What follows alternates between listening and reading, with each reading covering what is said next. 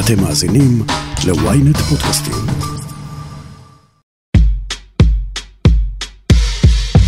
קרל פרידריך בנץ ידוע כאדם הראשון שהצליח לחבר בין הכרכרה לבין מנוע בנזין ולהמציא את הרכב הראשון על כדור הארץ. ההיסטוריה שכחה את מי שעמדה לצידו, ססיליה ברט, אשתו ושותפתו העסקית, שהיא למעשה ביצעה את נסיעת המבחן הראשונה של המכונית הראשונה, מביתה לבית אמה מרחק 106 קילומטרים. אבל למרות הכל, עם השנים, הרכב לא הייתה שותפה, הפך לרכב מותאם לגברים, שהתעלם ממחצית מאוכלוסיית העולם, הנשים. כשאני אומרת שהרכב uh, מותאם לנשים, אז מיד אנשים אומרים, מה, רכב רק לנשים? לא. כאן בישראל, במגדל משרדים שמשקיף אל כביש גאה, במשרדי חברת האוטוטק OSR, מתכננים מכונית חשמלית שאמורה להתחרות לא פחות מאשר בטסלה. והרכב הזה לוקח בחשבון כבר משלב התכנון את המין הנשי, בעיקר בזכות אחת, מנכ"לית החברה אורית שיפמן. אם אנחנו מסתכלים על הרכב שלנו כרכב מבחינת המאפיינים שלו, מבחינת הטווח, מבחינת הברזלים, אז אין ספק שאנחנו מביאים לשוק יכולות מהפכניות. אז האם הרכב הבא שישנה את העולם יגיע מפתח תקווה? אני שרון קידון, וזאת הכותרת.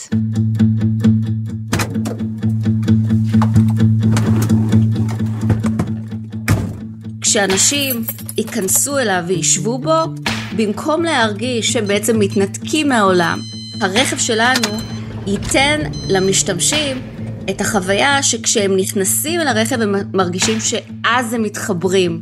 זאת אורית שיפמן, בת 46, עורכת דין בהשכלתה וילידת פתח תקווה, וכנראה האישה היחידה שעומדת בראש חברה שעתידה לייצר מכוניות חשמליות.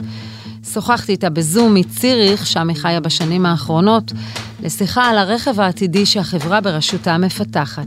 מבחינת החוויה, קודם כל החוויה, את נכנסת לרכב, הרכב מזהה אותך, מכיר אותך, יודע מה את אוהבת, איזה מוזיקה את אוהבת לשמוע, איזה אוכל את אוהבת לאכול, מסתנכרן עם היומן שלך, ונותן לך חוויה שמאפשרת לך בעצם לנצל את הזמן כשאת בנהיגה, כשאת בנסיעה, להרבה יותר דברים, מחבר אותך להרבה יותר שירותים. הרכב העתידני, שעוד לא זכה לשם רשמי, עשוי לשנות את כל מה שידענו על רכבים ומתיימר לשלב בין נהיגה, החיים האישיים ועולם העבודה, במה ששיפמן מכנה העולם מחדש. הרכב יכול לתזכר אותך, את יודעת שיש פגישה אה, מאוחר יותר, האם את רוצה שנעזור לך לקנות חולצה באחת החנויות הקרובות?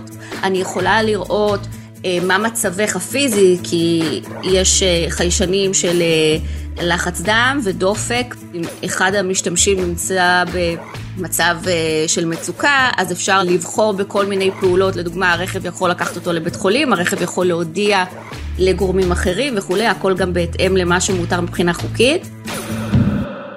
שיפמן נולדה בפתח תקווה מול הפלאפל, כמו שהיא מתארת, למשפחה של פיזיקאים, והטכנולוגיה נמצאת אצלה בדם לטענתה כבר מגיל קטן, בימים בהם צפתה בסדרה אביר על גלגלים ופינטזה על מכונית שמדברת אליה ומבינה אותה.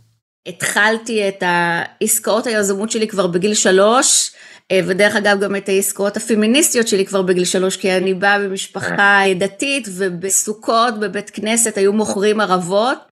ואני החלטתי בגיל שלוש שאני פותחת דוכן, כן, אז עמדתי ליד הגברים שעמדו ומכרו שם ערבות, וגם אני מכרתי ערבות. כלומר, את מאלה שכשרואים בעיה, את רואה פתרון. כשאני מסתכלת, בואי נגיד, על דברים שאנשים קוראים להם אה, בעיות, אני רואה בזה תמיד הזדמנות. ואכן שיפמן היא כזאת שמזהה הזדמנויות.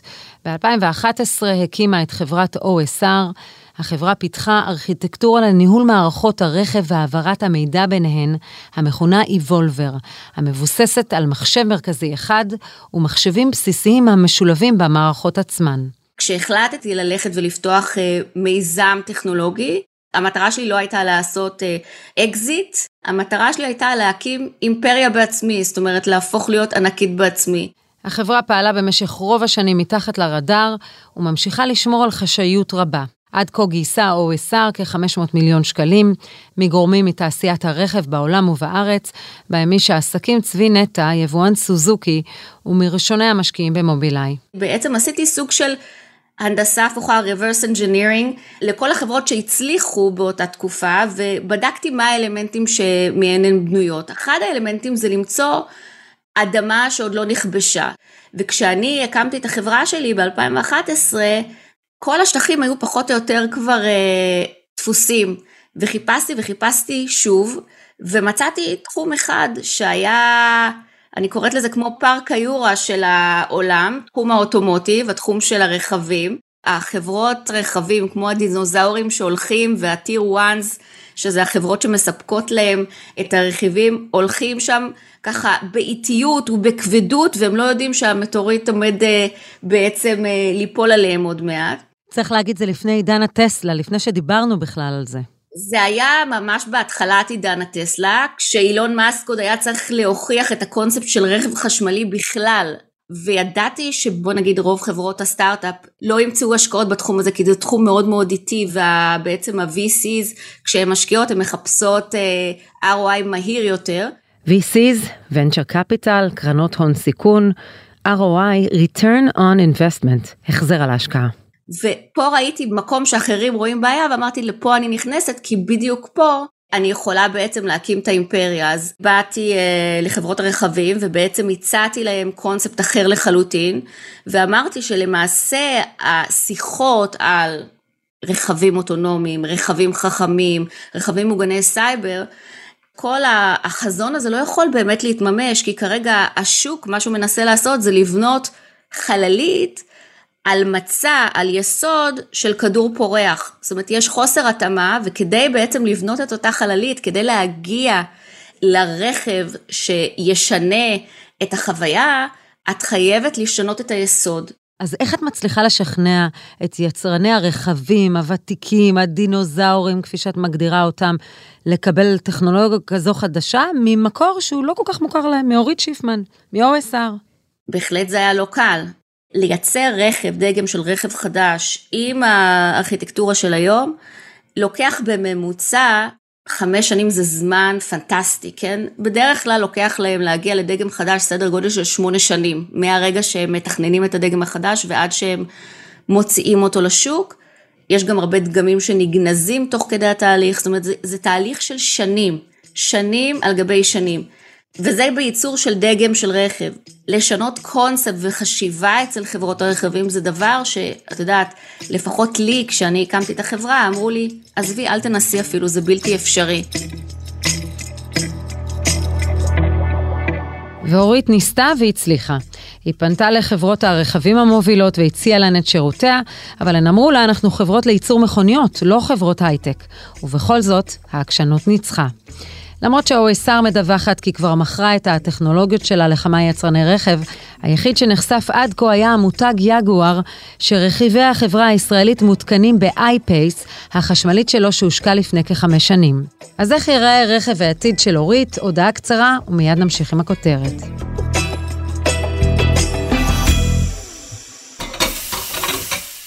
בזמן שאתם שוטפים כלים, סיימתם עוד פרק בספר.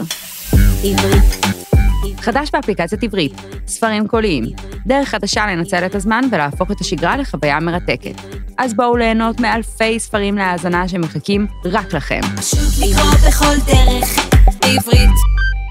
הורידו עכשיו את אפליקציית עברית ללא עלות ותהנו מספר קולי ראשון מתנה.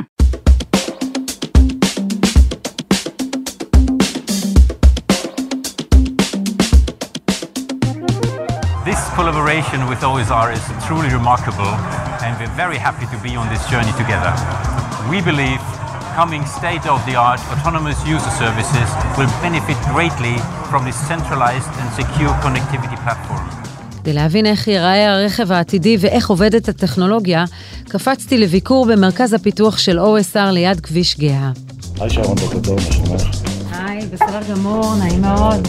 כשאת נכנסת לרכב את מרגישה שאת מתחברת להרבה מאוד מקורות, הרבה מאוד שירותים, ואת בעצם נותנת הרבה מאוד אה, אה, מידע עלייך. עכשיו, הרעיון הוא שכל האפשרויות האלה מתאפשרות ברמה האפליקטיבית. מה שבעצם מאפשר את זה זאת הטכנולוגיה. הטכנולוגיה שלנו של מוח מרכזי עם כוח מחשוב מאוד חזק, שמחובר בעצם להרבה מאוד סנסורים שאוספים מידע עד לרמת איפה האישון שלך בשבריר השנייה ומה הרגשות שלך באותו שבריר שנייה. זאת אומרת, אני יכולה לראות, אולי אני צריכה להמליץ לך אה, לשמוע מוזיקה טובה, אולי אני יכולה אה, להשתמש באפשרות של נהיגה שתעזור לנהג אה, לנהוג בשלב שהוא לא נוהג טוב. שוב, את יודעת, אצלי זה בדרך כלל כי אני רעבה.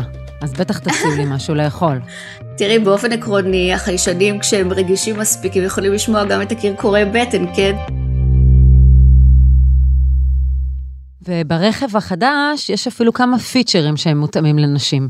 בפירוש, אנחנו כמות נכבדת מאוד של האוכלוסייה, ואני חושבת שהעובדה שעד היום חברות רכבים לא לקחו את העניין הזה של קהל לקוחות כל כך גדול, שלא מתייחסים אליו בבנייה של הרכב, בארכיטקטורה של הרכב, בפיצ'רים, לדוגמה בנושא של אה, כריות בטיחות, הוא לא מתייחס לנשים בהיריון. כרית בטיחות לאישה בהיריון יכולה להוות אה, סכנה אה, מאוד משמעותית, ואנחנו מתייחסים לדבר הזה, וזה, אותי זה מפתיע שאנחנו בעצם, לפי מה שאני יודעת, החברה היחידה בעולם שמתייחסת לדבר הזה, אבל כן, זה לדוגמה פיצ'ר כביכול לנשים, אבל, אבל זה דבר שהוא מאוד מאוד חשוב, להתאים בעצם את הרכב לכל הלקוחות שלו, נשים וגברים כאחד.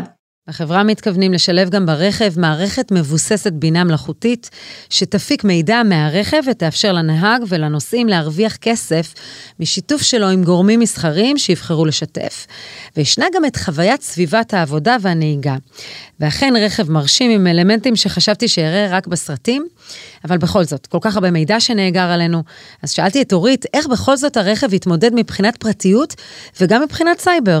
הנושא של פרטיות זה דבר שאנחנו נותנים לו דגש אה, מהרגע שבעצם הקמתי את החברה, לא רק מהבחינה הטכנולוגית שאיך אנחנו מתייחסים אה, לכל האלמנט ואיך אנחנו שומרים על המידע, שעל זה יש לנו פטנטים אה, טכנולוגיים, אבל גם מהבחינה הקונספטואלית, איך אנחנו מתייחסים למידע הזה, זאת אומרת מי הבעלים של המידע, כי ברכב שלנו, באמצעות המוח המרכזי שמחובר לכל כך הרבה סנסורים שאוספים מידע, וגם בעצם מחובר אלייך לעולם הדיגיטלי שלך ואת יכולה לשתף אה, איתנו עוד הרבה מאוד מידע. קודם כל החלטנו שהבעלים במידע הזה, שאני חושבת שזו החלטה שהיא אמורה להיות מאוד מאוד טריוויאלית, הוא את. זאת אומרת, אם אני משתמשת במידע שלך, את הבעלים של המידע, ולכן את צריכה לאשר שימוש, את גם יכולה להחליט למי את מוכנה שהמידע הזה יעבור, אז קודם כל אנחנו לא אומרים לך לא ניתן לך שירות אם לא תתני לנו מידע. אבל ככל שתתני לנו בהסכמה יותר מידע, ככה נותן, נוכל בעצם לתת לך שירותים שהם הרבה יותר אישיים ומותאמים אלייך, אבל אנחנו רואים בך בתור הבעלים, ואנחנו בעצם המתווכים שבעצם מנהלים את המידע, שומרים עליו, ומעבירים אותו לגורמים שמעוניינים לקנות את המידע הזה, וכשאנחנו מוכרים אותו, אנחנו לוקחים סוג של דמי תיווך, ומרב הכסף אה, לאותו מידע עובר אלייך, לבעלים. ובאופן אה, טכנולוגי, הנושא של הפרטיות וכולי, זה דברים שאנחנו אה, אה, מטפלים בהם, שוב, באמצעות כל הנושא של הגנות הסייבר, באמצעות אה, פטנטים אחרים, שלא ייפול לידיים הלא נכונות. תוך כמה זמן להערכתכם הרכב הזה כבר יהיה זמין לצרכנים בשוק? אנחנו מתכננים שהרכב כבר יימסר ללקוחות בעוד כשנתיים. אנחנו אה, חושבים שנצליח לעמוד בטווח הזמנים הזה. כמו שאמרתי, הטכנולוגיה שלנו כבר קיימת, הפיתוחים שלנו כבר קיימים, והעניין הוא יותר המסירות ללקוחות, שזה דבר שאנחנו נבצע בשנתיים הקרובות. תמחור? כבר יש איזה תמונת מצב לגבי איפה הוא עומד ביחס לרכבים אחרים? אני יכולה לומר לך שהרכב שלנו הוא לא רק תחרותי מבחינת היכולות שלו, הוא גם תחרותי מבחינת אה, המחיר שלו, ובטח ובטח בדגמים הבאים, כי המטרה היא לאפשר את הטכנולוגיה הזאת והחוויה הזאת לכולם, ולא לעשירים בלבד, אז בפירוש המחיר אה, יהיה מחיר תחרותי ביותר. העולם של הטכנולוגיה והעולם של הרכב הם עולמות מאוד גבריים. איך את מרגישה כאישה יזמת בתוך עולם כזה? אני מרגישה מצוין. אני חושבת שנשים צריכות ליזום יותר. מדברים הרבה על הנושא של לנפץ את תקרת הזכוכית. אני בכלל לא מנסה לנפץ את תקרת הזכוכית, כי תקרת הזכוכית קיימת במבנה שהקימו אותו גברים. למה לי להיכנס למבנה הזה?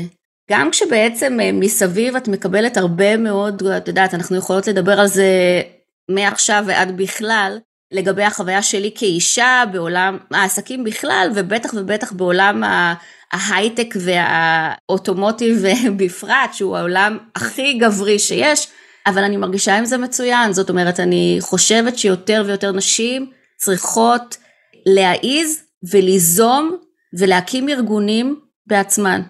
את מתגוררת ופועלת משוויץ, מרכז הפיתוח בישראל, זה יהיה רכב ישראלי? זה יהיה רכב שוויצרי? לאורך כל השנים הקפדתי מאוד שמרכז הפיתוח העיקרי שלי יהיה בישראל, מאוד חשוב לי להעביר הרבה מאוד מהכוח אה, לישראל. את יודעת, את יכולה להיות בשוויץ, אבל את הישראלית שבך, המיקום הפיזי לא יכול לשנות. האיכות השוויצרית עם המוח הישראלי מייצרים אה, דברים מדהימים. אז נסכם שזה רכב ישראלי שוויצרי, כמו הדגלים שמתנוססים אצלכם במרכז הפיתוח. אורית שיפמן, תודה רבה ובהצלחה. תודה רבה, שרון. ועד כאן כותרת להפעם. אתם מוזמנים לעקוב אחרינו בוויינט רדיו, באפליקציה, בנייד וגם ברכב, או איפה שאתם שומעים את הפודקאסטים שלכם. אם זה קורה באפל או בספוטיפיי, אתם מוזמנים גם לדרג אותנו, ויש גם פיצ'ר חדש שאתם מוזמנים להגיב לנו. עורך הפודקאסטים רון טוביה, איתי בצוות הכותרת ישי שנרב, תחקיר הפקה ועריכה אלי שמעוני וגיא סלם. אני שרון קידון, ניפגש בפעם הבאה.